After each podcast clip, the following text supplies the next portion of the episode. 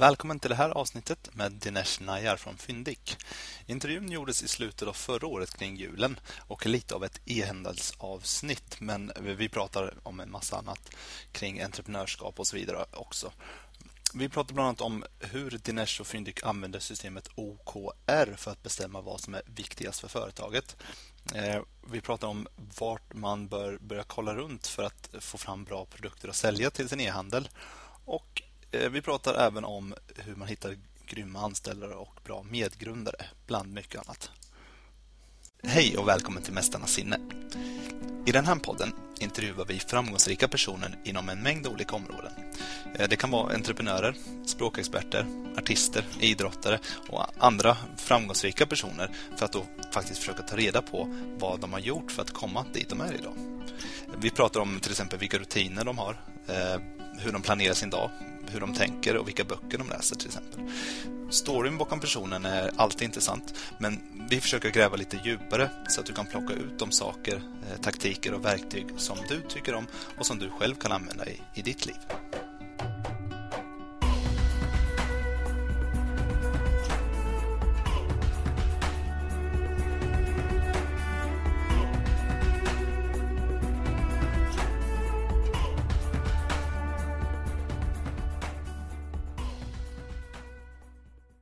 Hallå Diners, välkommen till podden. Hur står det till?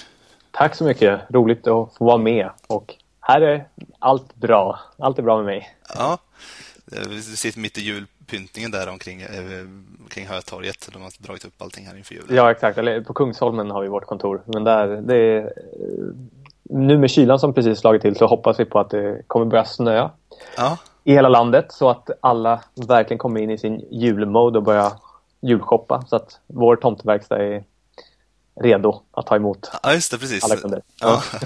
ja, det var hur stor del av er omsättning är kring julen? Ganska stor del. Jag skulle säga, tippar någonstans runt en 40 procent av vår årsomsättning tar vi in under, inte bara, liksom, inte bara den faktiska julhandeln utan under Q4. Eh, sen är det alltid den, den stora frågan varje år när exakt börjar julhandeln? Alltså när, när träder den i kraft? När börjar konsumenterna julshoppa på allvar? Och det, det är många parametrar som spelar in där för väder och ja, kalenderdagar och hur allting faller sig. Så att eh, man väntar med spänning. Vi, vi tycker att vi börjat se en, en tendens till början nu. Eh, bara de sista dagarna, framförallt igår söndag. Mm, det är så pass intressant. Mm. När brukar det vara? I, allmänt så känner man att julen alltid börjar tidigare för varje år, brukar man alltid säga. Eh, ja, fast ja. samtidigt har de sagt lite så här e- e-handelsmässigt så, så säger man att, att det blir eh, senare och senare för varje år. Alltså mm. konsumenten blir mer och mer van eh, via handla på nätet och leverantörerna, e-handlarna där ute är bättre och bättre rustade för det så att man, man, vågar, man behöver inte vara ute i liksom, augusti för att vara säker på att man får hem sina julklappar i tid längre. Så att, eh, jag vet inte, det är kanske delade meningar där i, i, i när, när julhandeln e-handelsmässigt eh, tar fart på allvar. Ja, just det. Vad, vad har du haft för dig idag? Har du gjort något skoj? Eh, måndagar är alltid en, eh, en ganska intensiv dag där man inte där, där man börjar med mycket uppstartsmöten. Vi, vi har varje må måndag morgon träffas alla, eh, alla avdelningschefer och, och management eh, och går igenom veckan som varit och veckan framför oss för att mer operativt då eh, synkronisera oss och sen så varje måndag förmiddag så har vi vad vi kallar för ett town hall meeting där vi samlar alla 130 fyndianer som vi är idag i vår eh, personalstyrka här på vårt eh, kontor här i Stockholm. Eh, där vi eh, presenterar det som är av huvudfokus för veckan som kommer. Kan lyfta olika saker, samtalsämnen och ja, koordinera oss alla så att det finns en, en tydlighet i, i, vad som förväntas av oss alla för framförallt veckan som kommer. Så det, är liksom, det tar hela förmiddagen och sen så eftermiddagen eh, brukar man eh, fokusera på att ja, beta igenom mejl och ha mycket, mycket möten. Så att måndagar är en mötesintensiv dag. Okej. Okay.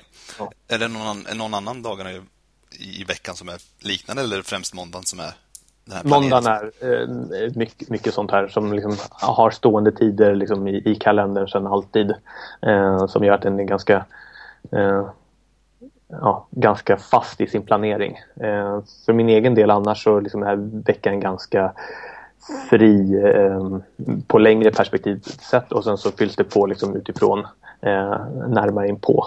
Eh, jag försöker ha ganska mycket luft i kalendern för att kunna vara snabbfotad. Det är väl en av mina utmaningar men samtidigt något jag jobbar väldigt mycket med liksom för att säkerställa. Så ja. att jag finns tillgänglig både för mitt team och eh, bolaget som helhet. Just det. Det där är intressant. Jag tänkte fråga lite grann om det här, så jag kan mm. ta det nu direkt när vi kommer in på det. Hur, hur brukar det se ut när du, när du planerar en, alltså för dig för din egen tid, som du säger att du har mycket hål i, i, i kalendern och så, men hur, hur avgör du så att om du sätter om du till exempel på måndag sätter dig och funderar på vad, vad det jag behöver utföra den här veckan. Har du så att du har till exempel det är de här tio sakerna jag ska utföra och så prioriterar dem på olika sätt? Eller hur, hur, hur väljer du ut vilka, vilka saker du ska göra varje vecka? Um, det, det, är väl en kombination av, av uh, många olika parametrar. Mm. Um, om man börjar liksom mer övergripande så, så jobbar vi med ett, um, ett verktyg eller ett, ett, ett, ett, ett tankesätt som heter OKR. Eh, Objectives and Key Results eh, som man kan berätta mer i detalj sen kanske om.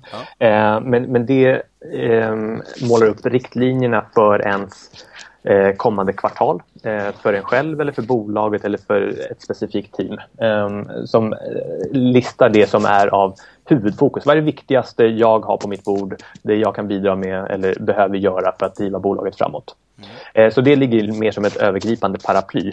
Ehm, sen i den roll jag har som eh, grundarna och VD för bolaget så, så är det viktigt dels att vara tillgänglig för de direktrapporterande till mig. Ehm, där har vi några veckomöten inbokade, några one-on-ones.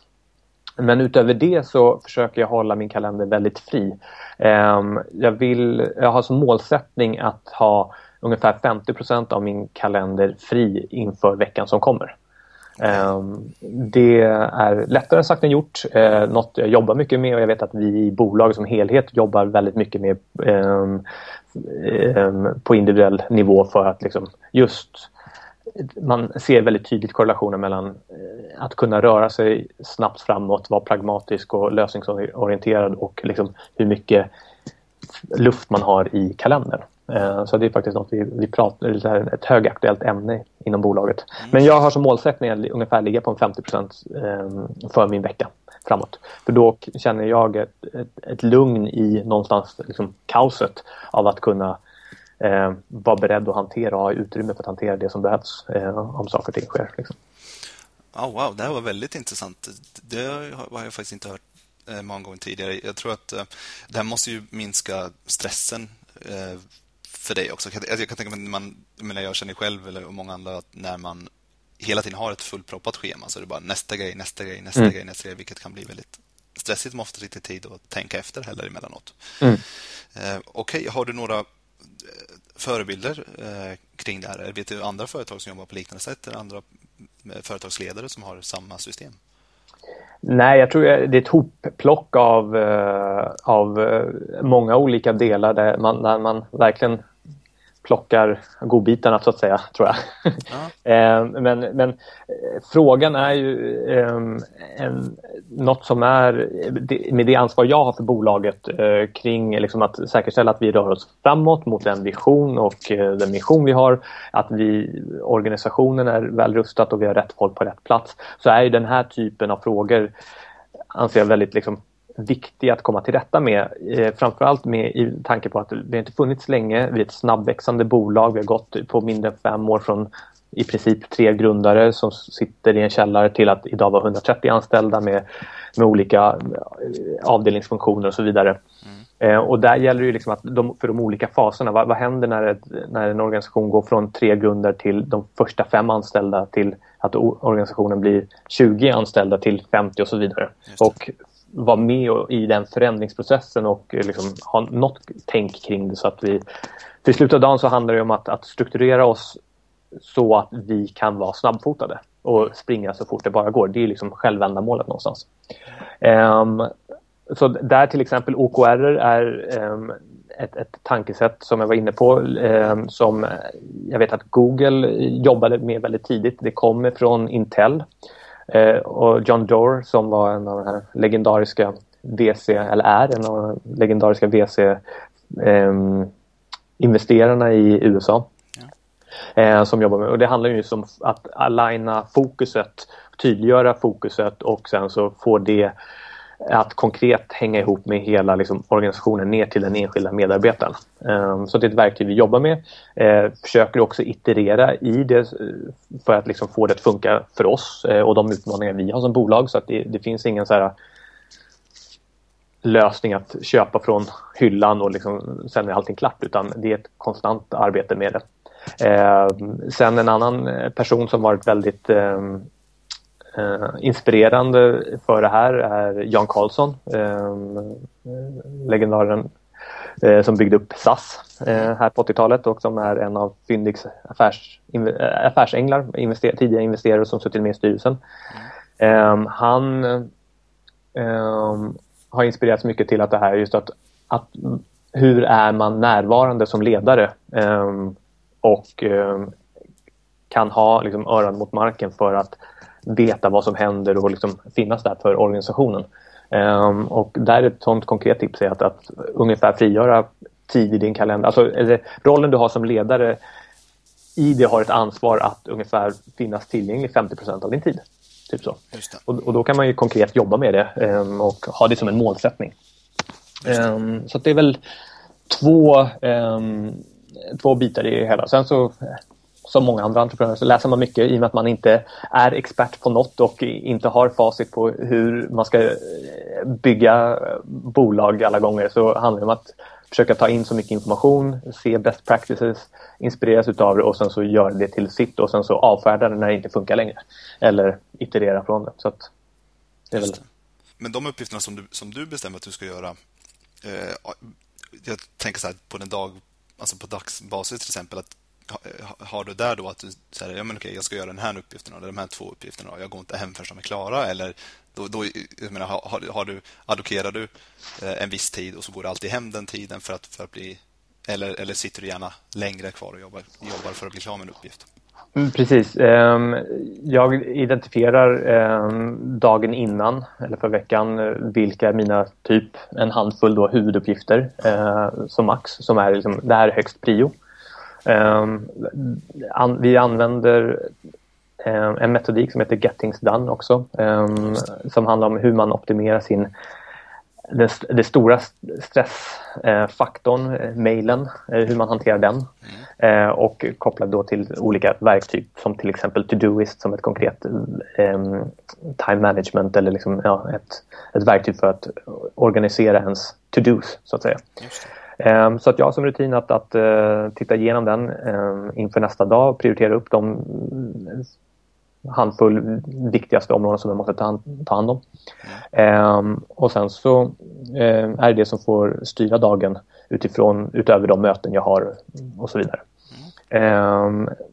Sen så, det blir så, alltså som grundare av ett bolag och ofta när man är entreprenör då, då arbete och liksom, övrig tid suddas ut till liksom, jag tror till arbete eller alltså ens hobby är också till stor del ens arbete tror jag. Mm. Um, så att, uh, och det tror jag det måste vara för att man ska orka. Um, tycker man att det är bara ett jobb, jag går till jobbet, då tror jag man inte orkar köra det maratonlopp som det ändå är att bygga bolag. Um, sen så på ett personligt plan så förändras det också nu precis för några månader sedan så blev jag pappa för första gången till en oh, liten son. Grattis! Tack så mycket! Uh, och då, då är det nya förutsättningar liksom att, att förhålla sig till um, och liksom få ihop det, det, det personliga livspusslet. Så att på din fråga där om, om jag bestämmer mig för vissa punkter och sen bara gör jag det och det får ta den tid det tar och jag är kvar på jobbet så länge. Så, här, så var det nog innan eh, min son. Eh, nu är det mycket mer att försöka få en struktur också så att liksom, man har möjlighet att vara hemma när han är vaken och, och framförallt hjälpa till att avlasta min fru då, som är för närvarande mammaledig. Eh, så, så att eh, nu blir det mer av en, ja, en, eh, en en annan typ av upplägg för dagen och ja. det man har. Är det några andra verktyg förutom eh, till exempel Todoist som ni använder? Använder du Evernote eller någonting sånt? Ja, eh, Todoist och Evernote är väl de två centrala verktygen förutom att liksom jobba väldigt aktivt med, med mailen där vi använder Gmail som, som, och, och sen en Google-kalender som man kan optimera väldigt mycket för att få en ökad effektivitet. Ah, Okej. Okay. Har du något eh, länktips där eller någon bok man kan läsa något om just Gmail eller kalenderoptimeringen? Mm, nej, utan snarare gå in i inställningarna på Gmailen och där finns det en hel del eh, saker man kan klicka i och, och pröva sig fram.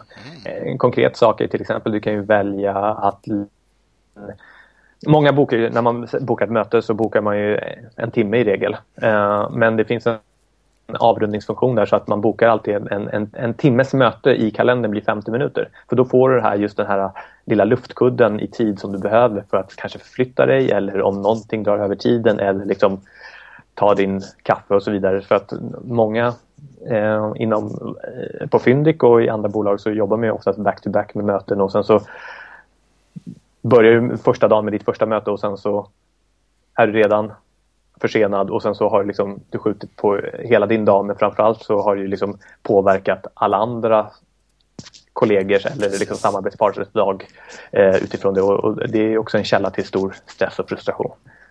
Eh, sen är vi liksom, vi är verkligen inte perfekta och har inte fått allting rätt än men, men återigen, det, det är frågor som vi, vi jobbar väldigt mycket med. Ja.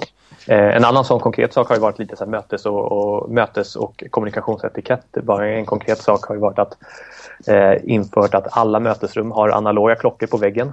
Då mm. slipper man det här med att, att någon sitter med, med mobilen framför sig eller datorn och liksom, ja, det skapar ju också så här, eh, frustration eller irritation om, om det är någon som sitter med mobilen eller datorn eller ja, tittar på klockan konstant. Eh, och lite sådana så här, tips och tricks. Men eh, ja. det, det, är samtidigt bara best practice. Finns ett intresse från organisationen för en själv att jobba med den här typen av frågor så, så hittar man en, en hel uppsjö av saker att ta tag i ganska snabbt. Det är intressant, för jag vet eh, själv då att man ibland kan vänta med att införa sådana saker. Alltså jag vet, när jag startade mitt första företag så väntar man man tänker så här, men okej, nej, men det där kan, man kan börja optimera processerna sen och sen blir det sen och så blir det sen och så blir det, tar det väldigt lång tid och så hade man kunnat spara väldigt mycket huvudvärk och stress och, eh, om man hade gjort det mm. tidigt. Mm. Hur, vad skulle du säga? Jag förstår att samtidigt kan man inte göra kanske det från dag ett. Man har ju annat för sig när man startar. Så om vi säger att man startar en ny en, en e-handel nu på nätet, någon business på nätet. Hur, när skulle du säga att man, det är dags att börja införa eh, optimeringar och rutiner för, för sånt här? Eh, jag skulle vilja vända på frågan lite och, och för mig handlar eh, allt det här om vilken kultur vill du ha inom bolaget, organisationen. Eh, för det är något du sätter redan från liksom, första dag, även om du bara har tre personer. Mm.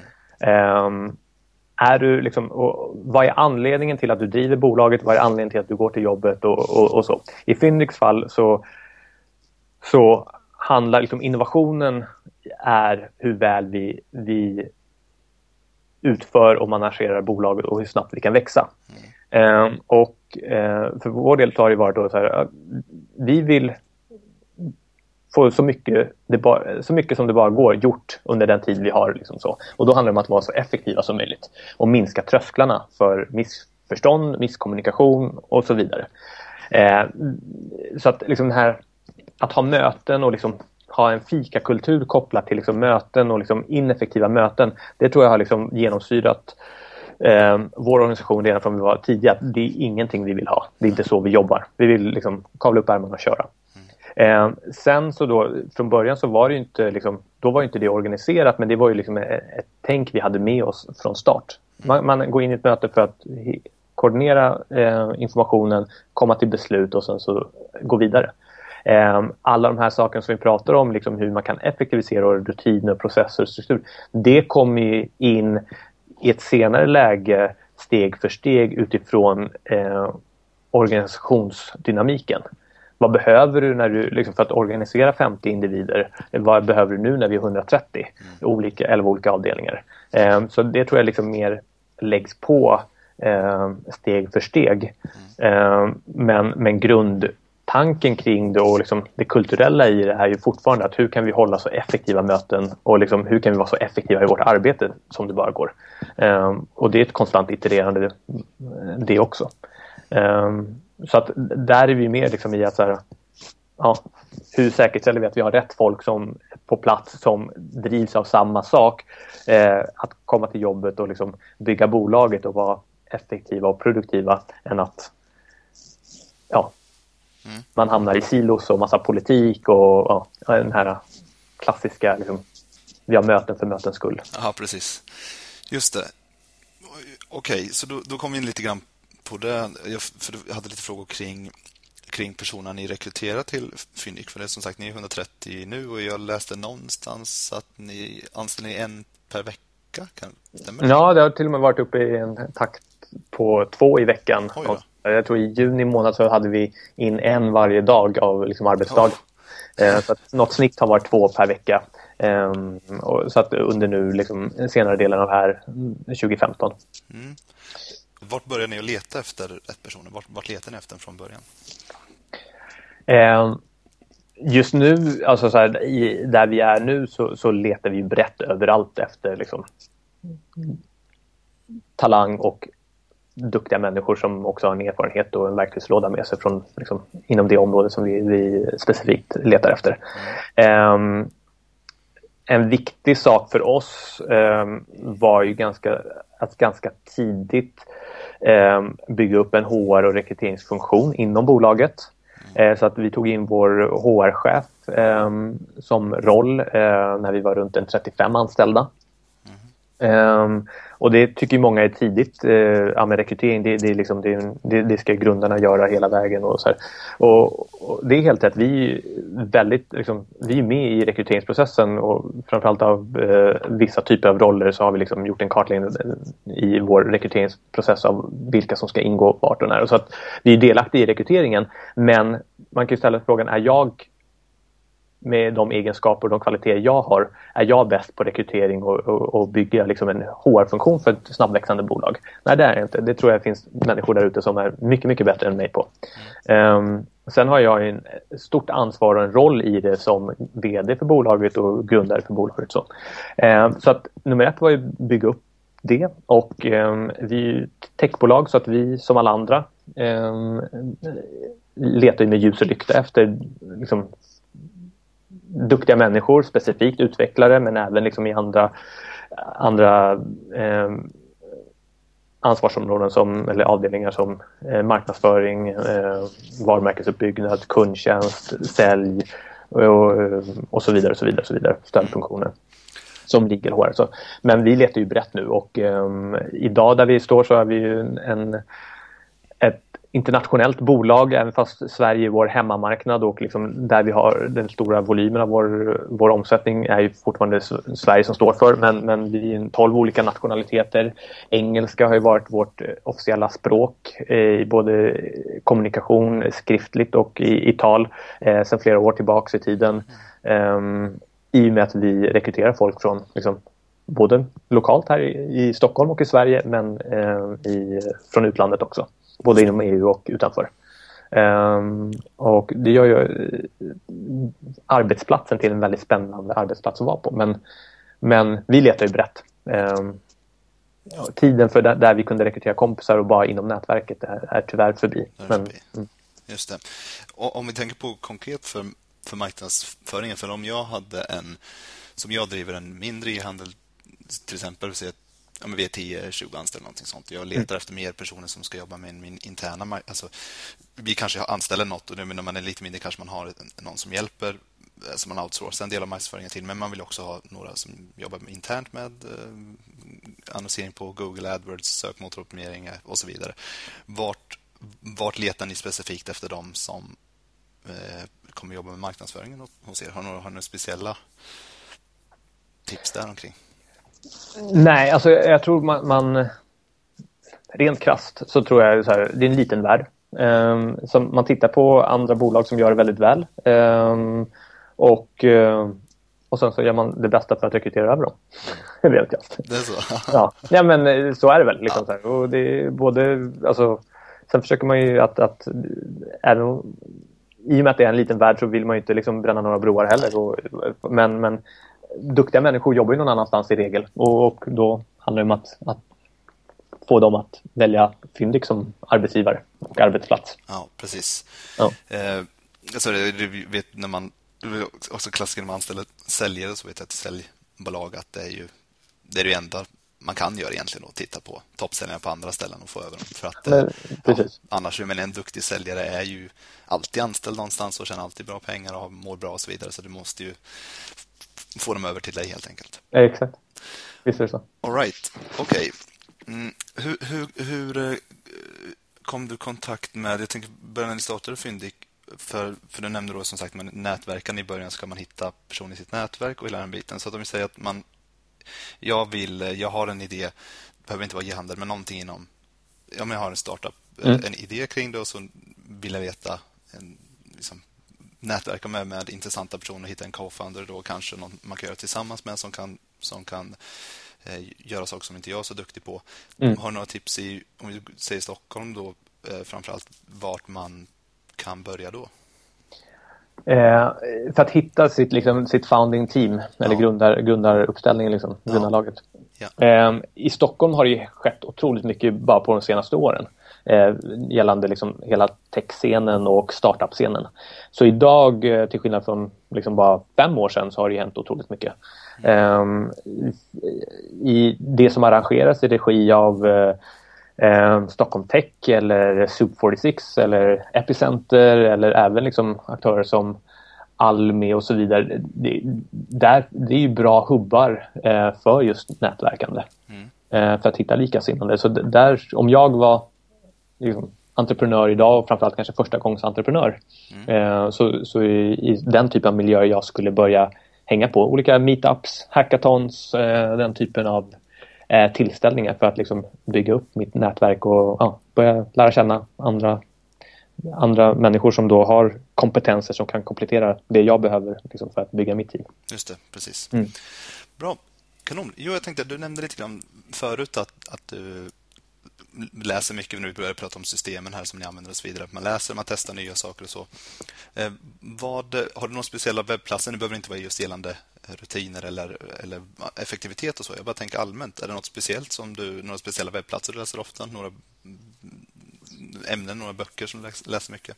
Um, ja, men för, för själva liksom, att hålla mig uppdaterad, ny, eh, liksom informationsflödet eh, inom tech så läser jag väl främst Breakit eh, och eh, Techcrunch. Eh, för att liksom ha liksom, tillgången till ny aktuell information. Enel.se är eh, också en, en viktig eh, informationskälla i liksom, det dagliga utöver liksom, vanlig, vanlig press. Eh, jag har DI i pappersform som kommer på helgerna och annars läser jag liksom allting digitalt. Um, så. Sen när det gäller böcker så, så, så har jag, um, jag har inte alltid läst mycket för mitt yrkesutövande men det har kommit mer och mer med tiden. För jag känner att jag måste ju också Alltså det jag gör eh, nu på den här nivån eh, har inte jag gjort tio gånger tidigare. Så att jag måste ju också eh, hämta ny kunskap och inspiration och information.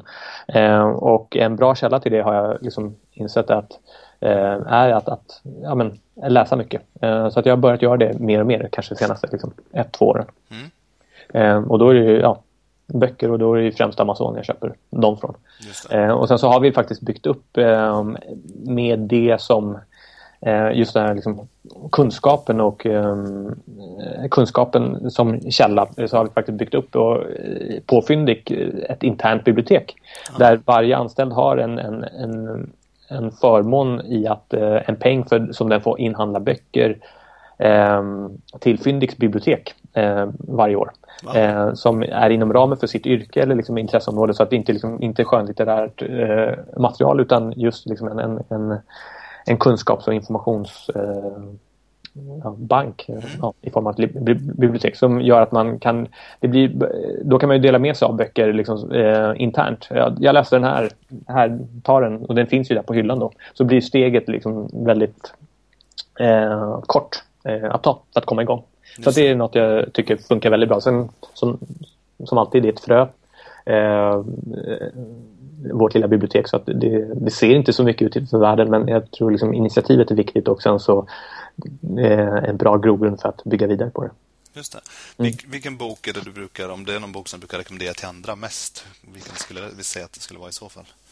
Um, ja, det, precis. Det, det beror på lite vem mottagaren är och, och, och, och, och vad den behöver och vill ha. Um, tre böcker som jag uh, tycker har uh, varit väldigt uh, bra i, just liksom, entreprenörskap och ledarskap um, är en är Hard Things About Hard Things med Ben Horowitz som är en framgångsrik entreprenör och sedermera investerare i USA. Ja. Um, en annan eh, om just ledarskap och, och, kommunikation och sånt så är The Five Dysfunctions of a Team. Five Dysfunctions of a Team, ja. Eh, och sen så en, en, en klassiker eh, som eh, jag tycker är väldigt, väldigt bra och som står sig än, även fast den skrevs liksom 85 och det är Jan. Mm -hmm. Um, som är en av um, främsta managementböckerna uh, faktiskt, som översatts i mer än 22 språk. Coolt. Som är, liksom, trots att det, ja, vad blir nästan 30 år sedan, uh, är verkligen något man även som en, en tech-entreprenör eller VD för ett snabbväxande bolag kan, eh, kan hämta mycket inspiration i. Om vi säger så här, okej, okay, jag, jag har en helt ny e-handel och funderar lite grann på lite olika eh, inriktningar på den, funderar på vilken produkt jag ska börja med. Jag kanske ska börja med bara en produkt eller ett par produkter. Jag kanske ska börja test, liksom, testa, mig, testa lite grann. Då. Vad, vad skulle du säga var, var, kan man börja titta på nätet överlag skulle du säga för att försöka se vilka produkter som kanske eh, det finns stort intresse kring men inte konkurrensen är för hög eller någonting som börjar trenda eh, mm. snart mm. eller någonting sånt. Har du några tips? Var, vart kan man börja kika för att, för att få intressanta produkter? Um, Ja, eh, först och främst så be behöver liksom, man göra tankeövningen. Alltså, varför vill jag starta en webbshop? Mm. Eh, vad är syftet med det och vad, vad, vad, vad tänker jag liksom, utifrån den här satsningen? Är det liksom ett hobbyprojekt? Är det för att sälja, som du är inne på, en produkt? Eller vill jag liksom bygga upp någonting som kanske kan bli liksom min, min, min eh, mitt yrke och det jag livnär mig utav? Mm. Eh, då kanske det behövs en större strategi än att bara hitta en specifik produkt. Um, och så vidare. Så att, gör, först gör den kartläggningen. Um, sen konkret för att liksom hitta produkter och vad som kan trenda. Jag tror det, det, det, det leta ganska brett. Alltså att, om du är ute på att, liksom, för att hitta den nya spikmattan och som liksom, du kan bygga upp under kort tid liksom, en, en mångmiljonförsäljning kring och som sen kanske riskerar dö av lika abrupt. Ja. Um, så, så är det nog liksom att, att titta på då mycket vad, vad bloggare plockar upp, vad som skrivs där ute och, och sådana saker. Mm. Eh, för att liksom hitta någon form av så här, där handlar det om att ligga, ligga rätt i trenden.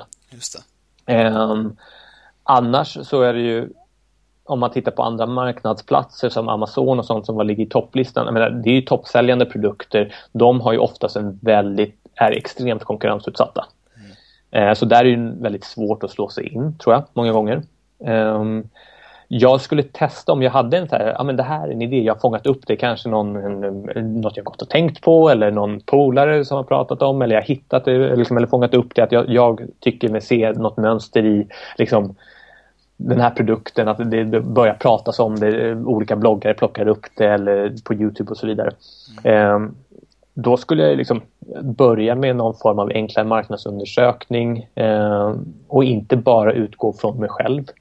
Eh, och sen så kanske så kan man ju ganska enkelt sen när man har bestämt sig för en produkt och eh, vill testa den kan man ju ganska enkelt komma igång med Facebook marknadsföring. För det lämpar sig väldigt bra för specifika produkter. Eh, för du har en tydlig produktbild, det är enkelt att komma igång, du kan begränsa din budget och du kan rikta det mot en viss eh, nyckelgrupp. Eh, sen har Facebook också, konkurrensen där har ju hårdnat avsevärt. Eh, eh så att det, generellt är det ju svårt att liksom slå sig igenom i bruset. Det är det som är det svåra med e-handel. Mm. Det svåra är inte att köpa in en produkt utan det är ju att få trafik till din sajt. Ehm, men där någonstans skulle jag liksom, ehm, ja. Just det. röra mig. Ja, bra. Och sen om man tänker, för ni måste ju få såklart, ni, ni har ju massor data på vad som säljer, alltså så här, ni har då eh, x antal e-handlare som säljer genom er, mm. genom er webbplats som säljer samma produkt. Mm. Eh, och så kanske ni kan titta på skillnaden, vad, vad jag gör som gör att den här produkten säljer mer än den här. Eh, och då har man ju olika eh, faktorer att jobba med, så att man har bilden till exempel på, mm. på produkten. Och Det här blir lite samma så som man har på sin egen webbplats för att öka. För att vi säger att vi har fått in trafiken och sen vill vi nu konvertera det här på bästa sätt. Så då har vi bilder, man har, har produkttext och sådär. Så mm. jag tänkte just på, har du någon information kring produktbeskrivningen just? Alltså hur skriver man en, en produkttext som blir bra säljande? Mm. Och där finns det lite olika skolor eller olika trender framför allt. Det finns ju Eh, några som är inne på att, att man behöver inte längre eller eh, så ha en, en produktbeskrivning alls. Nej. Att är det ett specifik produkt, en Adidas-sko, då räcker det med en bra högupplöst bild och liksom att, eh, och sen så eh, ett pris på det och sen så, så, så behöver du inte så mycket mer. Eh, jag är väl fortfarande utifrån eh, tänket att man ska ut, alltså någonstans ska utgå från en själv. Eh, vid ett köpbeslut, vad är det för information jag behöver för att eh, fatta ett köpbeslut? Mm. Den produktinformationen, den informationen som ska få mig så här att, ah, men nu förstår jag, så här, det ska återges i text. Eller liksom så. Med, tillsammans med en bra titel, tillsammans med eh, bra produktbilder. Eh, och, och, där kan man ju väldigt enkelt testa bara med nära och kära. Alltså, ska du sälja en, en plånbok eh, på nätet. Eh, vad vill du veta då? Men du kanske vill veta storleken på den, du vill se bra eh, bilder utav den, men du vill veta kanske vad det är för material. Är det liksom i äkta läder? Eh, vart är den tillverkad? Är det liksom, ja, eh, vilka kravspecar finns det på den och så vidare. så, vidare. så att jag, jag, jag blir förvånad ibland över den låga nivån på produkttexter. För varför lägger man inte mer tid och kärlek på det? För det, det måste ju ändå vara så här högoktanig eh, arbete för att få din produkt såld. Så menar jag. Okej, okay. bra. För nu kommer vi in på lite av de här olika delarna också för att få konkret då här. Som vi, vi pratar produkttext, vi pratar högupplöst bilder, titeln. Vad finns det mer för gemensam nämnare skulle säga som fungerar för de produkter som konverterar bäst på Fyndik. Mm. Vad, vad, har, vad, vad, finns det mer för gemensamma nämnare där? Till varför de konverterar bra? Ja, framförallt ett, ett fantastiskt bra pris. Just det. Mm. Priset. Och ja. efter priset så, vad skulle du säga, är det, är det bilderna? Har du någon uppfattning om vad som är Ja, fast på, på Fyndik så till skillnad kanske för liksom en, en ren eh, liksom, egen webbshop eh, om man har det själv liksom, så, så, så handlar det ju också om att här konkurrerar du ju med andra handlare. Mm. Alltså vi är ju en marknadsplats så att där så, så vilket, och du använder ju marknadsplats för att få trafik som du annars inte skulle få oftast. Precis. Eller du vill sälja en produkt som du inte skulle få såld i din egen kanal eller så av olika anledningar. Eh, men, och då handlar det om att hur, förstå hur man jobbar med en marknadsplats. Eh, hos oss så måste du ha du måste göra din produkt, optimera din produkt, din produktannons så att kon, konsumenter hittar den. Och här konkurrerar då i, i Fyndik här i Sverige så har vi 1600 handlare, visserligen inom liksom olika produktkategorier. Men, men då gäller det att våra det är lite, man kan se oss som ett Google på så sätt, som ett lokalt Google. Det gäller ju att våra eh, sökrobotar eh, och, eh, och hur vi indexerar produkter hittar relevant information. Ehm, så har du ingen liksom, en dålig titel, ja, då, då är inte den sökbar kanske eller, liksom, eller missvisande för produkten. Då kommer den inte konvertera. Eh, när du väl hittar rätt produkt och liksom, du ser att eh, i produktbeskrivningen så står det att den är lila men den enda bilden du ser eh, är på samma produkt fast i gul. Just. Ehm, ja, allt det här blir ju störningsmoment för kunden i sitt köpbeslut. Vänta, vad var det här nu? Eh, ja, den är rosa eller den är gul men, men det står lila här. Vad, vad är det som gäller? Äh, ja. Det här vågar jag inte köpa. Och så går jag vidare. Ja. Så, så det handlar ju om att liksom ha, ha din produkt optimerad. Vilket ja. är en tydlig titel så att all, alla hittar dig. Både våra liksom, motorer och Google hit, och, och kunden. Eh, vad är det jag tittar på? Eh, att liksom, variationer då kring produkten stämmer överens med produktbilderna och så. Så att det blir ett enkelt köpbeslut. Precis, jag menar, det är inte rocket science. Eh, du gör ju ett beslut när du går in i en fysisk butik.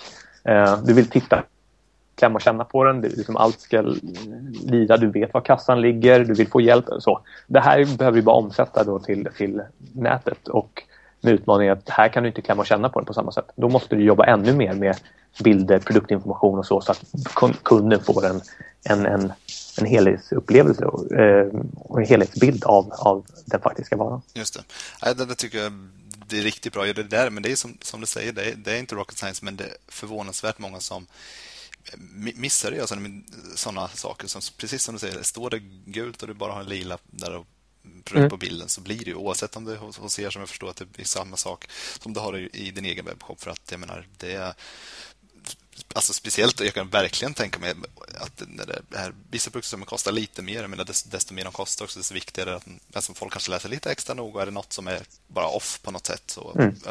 liksom minskar ju chanserna för köp jättemycket. Mm. Och på Fyndiq här så konkurrerar så här finns ju liksom då oftast en annan handlare som är lite bättre på det här. Mm. Och, och, då så får ju den i regel köpet, transaktionen. För kunden kommer ju liksom den har kommit in i då fyndik-universumet och där står vi för en viss trygghet och en viss liksom, eh, upplevelse. Eh, och då känner man så här, ah, men det här, ja, jag, jag kollar vidare här eh, och, och, och ser vad jag hittar. Eh, och i regel så hittar man då en likvärdig produkt eller en annan från en annan handlare. Sen jobbar vi på vårt perspektiv för att göra liksom helhetsupplevelsen, the customer experience, ännu bättre så att de inte kunder liksom känner att ah, men det här känns konstigt, det här känns oseriöst och sen så klickar sig ut från Fyndik för att liksom gå och handla någon annanstans. Precis. Och det är vår eh, uppgift. Så att ju bättre våra handlare är i att använda Fyndik desto bättre blir liksom deras egna försäljning och de står sig bättre i konkurrensen. Då kommer vi in på det här spåret då, det, det som jag funderar på, det jag vet att ni eh, jobbar väldigt mycket med som ni är, är duktiga på. För att här, man måste hela tiden tänka på att de som säljer genom er, ni vill ju att de ska sälja så mycket som möjligt så ni jobbar ju såklart med konverteringsoptimering. Eh, på er sajt och testar olika saker och ser vad som funkar och så. Eh, har, har, du lite, jag läste någonstans om att ni har snabba implementationstider, att ni implementerar, ni har någon teori kanske att ni vill testa det på sajten. Mm. Eh, kan du berätta lite grann om hur, hur, alltså hur vart, vart, vart kommer de här idéerna ifrån, vad ni vill testa och hur mm. snabbt brukar ni implementera dem? Precis.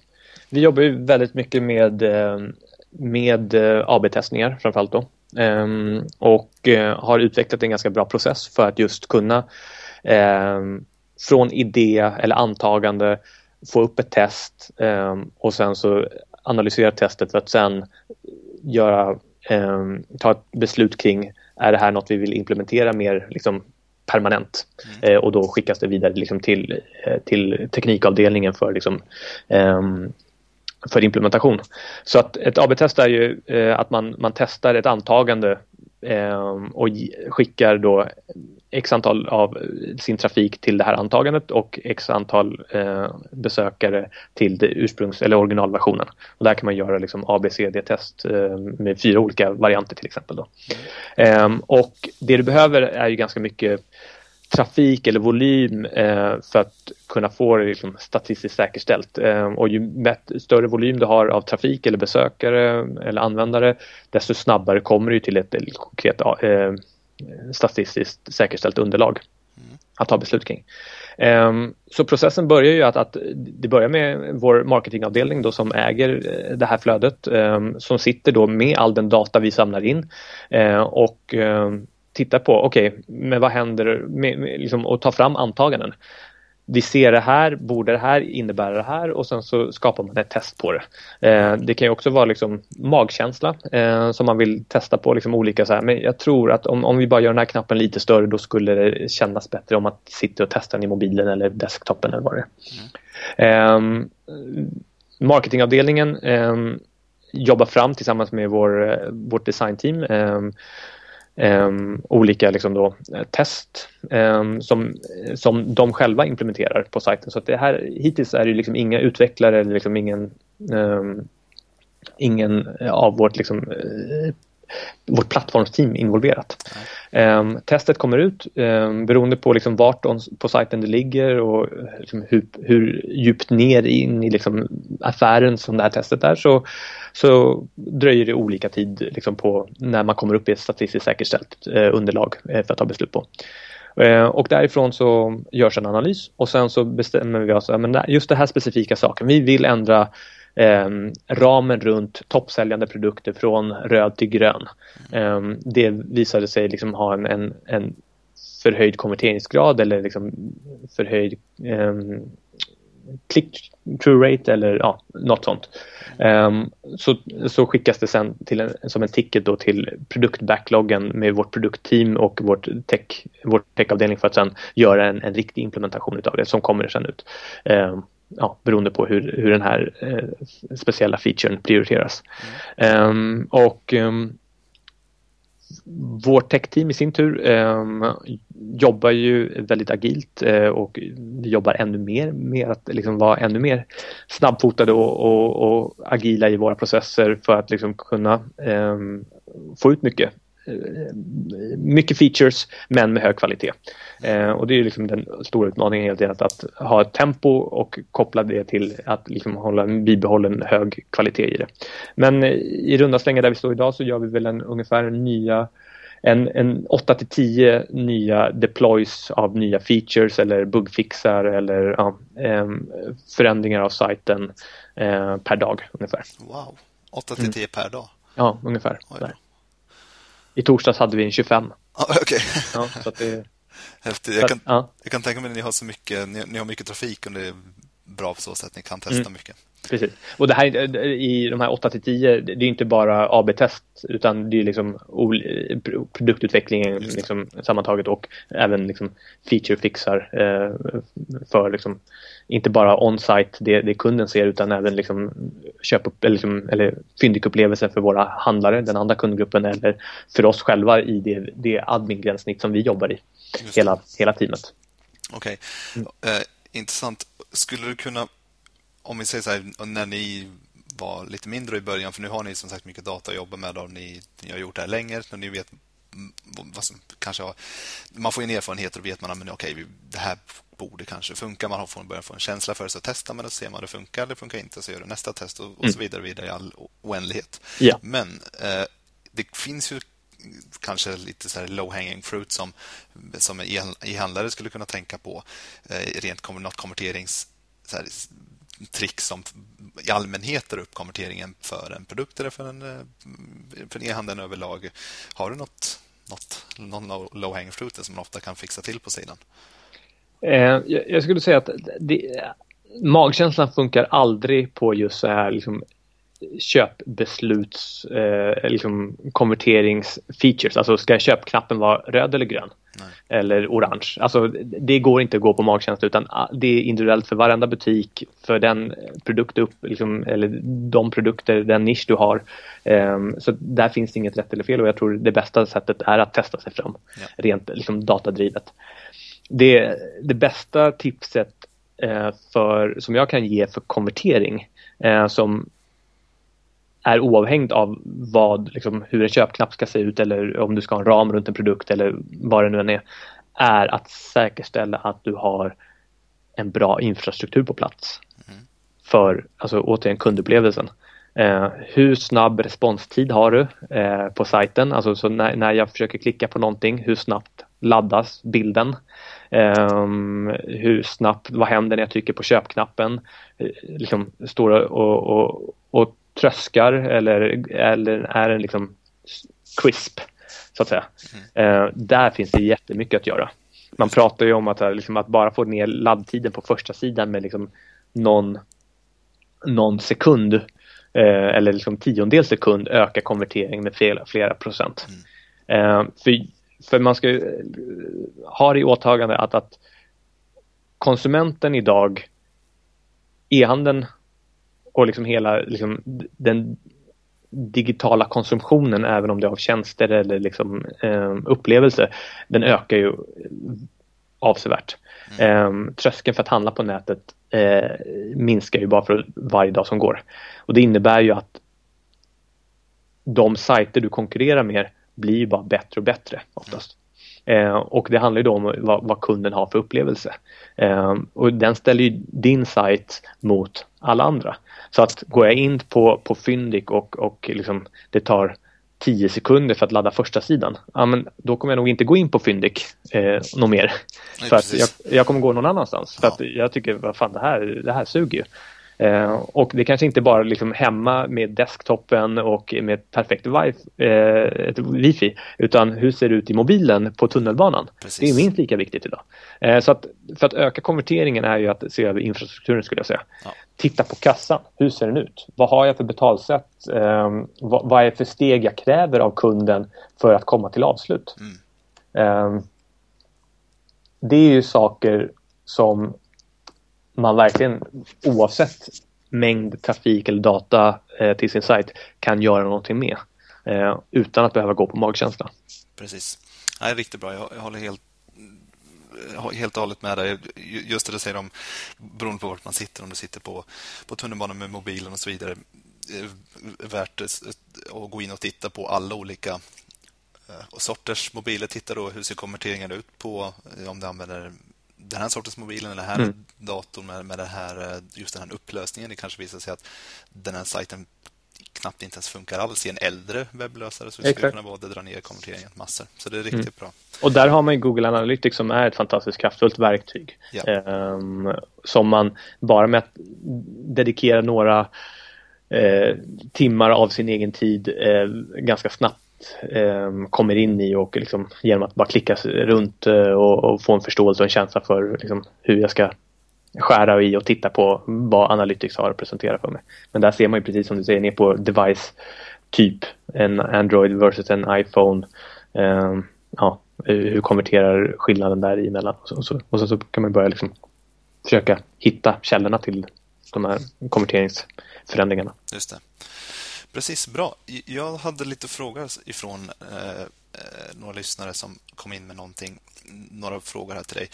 En sak som dök upp här, en fråga jag fick från Christian var i, om eh, Amazon. Jag vet att ni har etablerat er i, i Tyskland ju och ni säger att en konkurrensfördel mot Amazon är ju att eh, ni säljer ju inte era egna produkter på Fyndiq utan det gör bara e-handlare som, mm. som säljer genom er.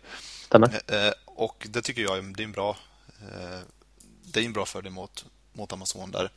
Ja, en fråga som jag har först förresten är, funderar ni på att köra fulfillment i framtiden? Alltså att man skulle kunna ha lager och så inom er? Är det någonting ni har ens funderat på? Alltså att inte ni säljer produkten själva utan att man utan att eh, istället för att e-handlaren skickar direkt ut så har ni alltså, lager hos er och så. Precis. Ja, absolut. Det är något vi, alltså, fokuset för oss är ju att titta på hur kan vi driva så mycket försäljning det bara går till våra handlare. Det är ju vårt existensberättigande. Ja. Och det gör vi genom att erbjuda kunden en bra köpupplevelse av det den letar efter. Eh, så det är liksom utgångspunkten i allt vi gör. Ja. Eh, och, och, då är det ju liksom inte, ligger det inte långt bort i att så här, okej, okay, vi äger inte produkterna. Ehm, vi driver massa trafik. Okay, hur ser hela liksom, köpfannen ut eller köpupplevelsen för kund? Ehm, och där är ju frakt och logistiken och leverans av produkter eh, någonting som ehm, vi självklart eh, tittar på hur kan vi liksom, hjälpa handlarna samtidigt som vi ger kunden en bättre upplevelse. Sen om det blir att det blir en FBA, alltså en Fulfillment by Amazon-modell där vi har, eh, eller om vi kan lösa på något annat sätt, det, det får framtiden utvisa. Men helt klart så tittar vi på olika typer av lösningar här inom, inom det här mm. området. Okay.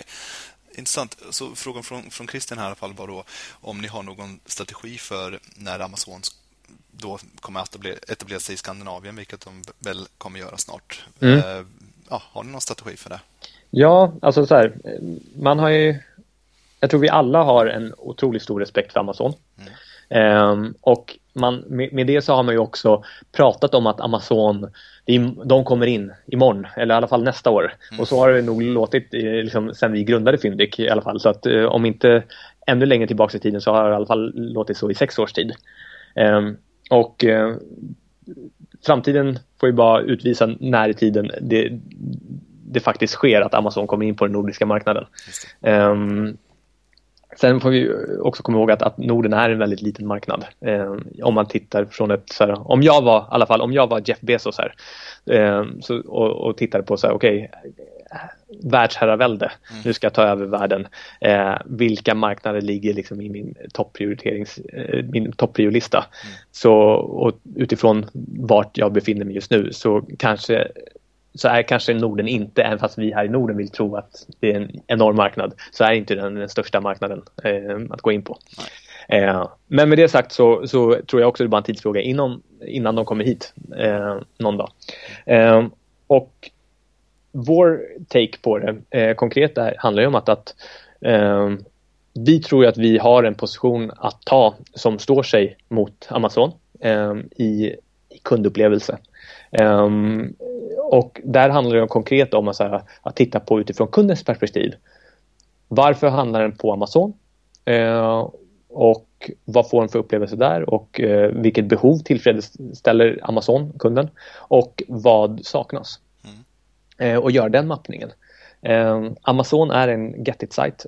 Finns, eh, när du är ute efter en specifik produkt så, så är Amazon perfekt. Eh, för att du hittar allting där. Jag tror i USA så har ju de sedan länge gått om Google när det gäller produktsökningar. Så att som konsument ska du börja leta efter en produkt så börjar liksom din sök eh, sök, sökresa på Amazon eh, specifikt. Eh, men det finns mycket i det som Amazon inte gör bra. Ehm, för har du den positionen där de är allt för alla så, så finns det utrymme för um, många aktörer att göra vissa specifika saker väldigt mycket bättre. Mm. Eh, lite som man kan dra en, en, liksom en, en liknelse med, med, Facebook. Alltså att Facebook var från början liksom, hade sin målgrupp i, i liksom, unga Uh, unga människor som hade sitt sociala liv där. Eh, I takt med att Facebook växte och liksom de här unga personernas föräldrar kom in och deras far och morföräldrar kom in så blev det mindre och mindre attraktivt att, att vara på Facebook. Och då började liksom andra tjänster som Instagram eller Snapchat och sånt dyka upp och de här bolagen samexisterar i det här universumet och har blivit stora bolag eh, själva med Facebook som eh, den stora jätten. Så att det är snarare där vi någonstans liksom eh, ser oss att, att eh, marknaden är tillräckligt stor för att vi ska kunna samexistera. Eh, och där handlar det för oss om att äga vår nisch. Um, men sen konkret så, så, så var ju en av anledningarna till att vi nu i somras då eh, lanserade i Tyskland eh, enligt liksom, vår tillväxtplan eh, och gick in då med, med, vad vi kallar för en soft launch, eh, vilket innebär att vi, vi finns där live nu, men nu, nu fokuset på att bygga upp hela utbudssidan i och med att vi inte äger varorna så måste vi liksom bygga upp den sidan först med, med integrationen mot handlare för att sen kunna trycka på marknadsföring. Mm. Um, och det handlar ju om att, att vi för oss, för vår egen del men, men mot våra investerare och liksom marknaden som helhet vill visa på att precis det jag är inne på, att, att vi har en strategi eh, som går ut på att vi kan samexistera eh, med den här typen av aktörer som både Amazon och Ebay för den delen. Um, och precis som vi gjorde i Sverige från start var många som sa att ja, vad ska ni i Sverige? Det kommer aldrig funka att bygga en marknadsplats här. Tradera finns här och så vidare. Ja. ja. och fem år senare så har vi sprungit om Tradera för länge sedan när det gäller business to consumer-flöden. De är fortfarande störst på aktioner och C2C och liksom snarare gått tillbaka till sin core. Men där vi sprungit om dem till på, med, med försäljning av, av liksom, som marknadsplats för handlare eh, att sälja nya produkter. Så att eh, det finns mycket att göra och eh, vi har stor respekt för dem men det, en av anledningarna till att vi gick in i Tyskland är just för att liksom, bygga den här eh, positionen. Då behöver vi inte vara lika rädda för att sitta och vänta på när, när, eh, när Amazon kommer och, och då försöka hitta på vad vi ska göra. Just det. Ja, bra. Smart. All right. Jag har en fråga från Per här. Om ni idag kör någon eh, alltså automatiserad reklam som funkar vid olika... Så till exempel om det är dåligt väder, att ni har en viss sorts eh, marknadsföring då kring... Eller löning och sådär. Kör du någonting sånt? Ja, alltså vi gör det till en viss del. Um, det är något som vi kommer eh, laborera mycket mer med. Eh, och ut, vidareutveckla mycket mer också. Eh, det är personifiering det handlar om och liksom kunna ta in eh, olika parametrar av data för att ge en skräddarsydd liksom, upplevelse ehm, och riktad information. Det är väl det det handlar om. Mm. vi är inte där än ehm, till den grad som vi liksom att det börjar bli riktigt roligt med vad man kan göra utan vi ligger på en ganska liksom, grundläggande nivå fortfarande men definitivt ett område som eh, vårt marknadsföringsteam jobbar väldigt mycket med att, att titta på. Okej, okay, bra. En annan fråga från Per också var om eh, alltså, om ni har en personlig kundresa baserad på cookie och köphistorik. Så till exempel att någon har varit inne på er webbplats och tittat på bakmaskinen eller någonting. Och så mm. kommer den personen in igen och då har ni anpassat det här och visar mer bakmaskin eller mer produkter kring bakning till exempel? Är det någonting Precis. ni jobbar med? Eh, på samma tema, hela personifieringen och liksom, eh, den anpassningen utifrån eh, den specifika kunden är något vi jobbar med men är inte där än ehm, utifrån liksom, det där jag vill vara, att vi ska vara. Ja. Eh, men går helt klart åt, mot det hållet och, och jobbar väldigt mycket mer. Så ja. att kommer se mycket mer av det framöver. Eh, men är fortfarande idag liksom bara på liksom en väldigt grundläggande nivå precis. All right, intressant. Jo, vi ska börja ta avrunda här. Eh, jag tänkte bara köra några snabba frågor till dig här bara. Mm. Ehm, då tänkte jag på, är det några speciella eh, företagare eller entreprenörer som du ser upp till? Som du personligen har haft som förebilder? Nej, men jag, jag är ganska Um, det finns en hel del. Uh, jag är ganska som person väldigt målmedveten och uh, tävlingsinriktad person. Mm. Um, så att um, jag har en del personer som man både så här, uh, ser upp till och inspireras utav och, och som också man, man vill liksom så här, ja, men få en själv i sin vardag att när mycket känns tufft och, och, och så att, att någonstans liksom pusha en eh, framåt. Eh, en sån person här i Sverige är eh, både eh, Sebastian eh, Simatkowski på Klarna som är otroligt duktig och inspirerande person i, utifrån den resa de har gjort. Eh, och liksom Spotify-gänget med Daniel Ek eh, också eh, självklar i, i, det när det gäller eh, så. Eh, sen så tycker jag också att det finns många andra så här, ehm, det jag det, det, är väl mer på ett, så här, ett större plan inspireras utav jag, jag, jag, många av de riktigt stora entreprenörerna som verkligen gjort liksom, ett stort avtryck eh, på eh, ja, men liksom på planeten eh, eller på väg att göra det eh, är väldigt inspirerande liksom att, att bara så här ja, kan de, varför kan inte vi eller jag så? Eh, en sån person eh, som jag läst en hel del om är ju Elon Musk med, med eh, Tesla och eh, SpaceX. jag tycker det är otroligt inspirerande och liksom eh, vad, jag menar självklart liksom vad, vad Jeff Bezos eh, byggt upp eller Jack Ma eh, med både då Amazon respektive Alibaba. Mm. Alltså att på kort tid som det ändå är, alltså under liksom sin egen livstid eh, och ja, en liten del av sin egen livstid, 20 år eller ännu mindre, byggt de här globala stora bolagen. Alltså det krävs otroligt mycket eh, skicklighet, eh, fokus, hårt arbete och en hel del eh, påse med tur eh, för att liksom, eh, göra det de gjort. Och det, det, där hämtar jag inspiration. Ska jag säga. Mm. Okay. Um, en annan fråga jag brukar ställa ibland är, är vad är det mest värdefulla du köpt för under tusen kronor på sistone? Det kan vara svårt att svara på. Är det någonting som du är... Det mest värdefulla jag köpt under tusen kronor? Ja, som du använder eh, mest. Som jag använder mest? Um, ja, um, ett en jäkla massa eh, vita t-shirts eh, som jag har hemma nu eh, när min lilla son Milou som är fyra och en halv månad ehm, ehm, gärna efter, ja, när man går och bär på honom timme ut och timme in ehm, så, så har det varit en bra investering att ha vita t-shirts. om man säger så. så det är väl min bästa investering just nu. Ja, riktigt bra. Eh, men kör du annars så någon sån eh, Steve Jobs-grej? Det är många som kör det här nu för tiden blivit populärt. Eh, Zuckerberg vill också så alltid ha samma kläder på sig för att slippa tänka och så.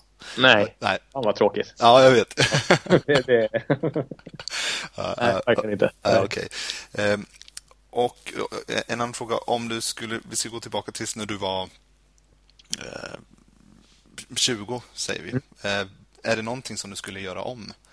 då, alltså, några större beslut som du känner, eller något, som, eller något beslut som du känner det här gjorde jag helt rätt i att jag pluggade här eller att jag gick nätverk på de här platserna eller vad det nu kan vara? Um, nej, alltså så här, jag som person uh, är ganska jag tenderar till att vara mer framåtlutad och liksom titta vad, vad händer imorgon än vad har, vad har varit och, och liksom älta det. Det är väl så här, bara hur jag är som person.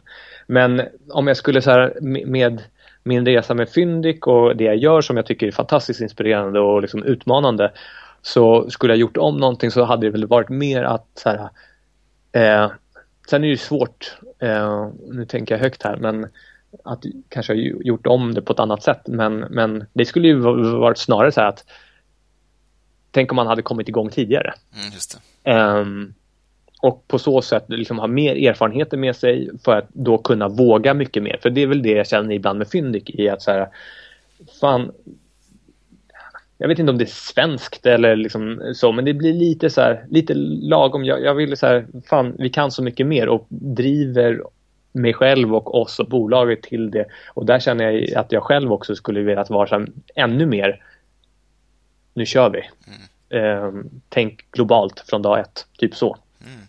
Mm. Eh, och det kanske man hade fått med sig på ett annat sätt om man hade liksom, eh, jobbat mycket mer med det ehm, i ett tidigare skede, tror jag. Kanske. All right. ja, men jätte, jättebra. Eh, stort tack för att du ville vara med, Dinesh. Det har varit väldigt, väldigt intressant. Tack, Marcus. Det var bara roligt. Vad händer ikväll? Är det hem till uh, Nu är det hem, precis. Hem ja. till baby, lite snabbt. Och sen så försöka få honom att somna.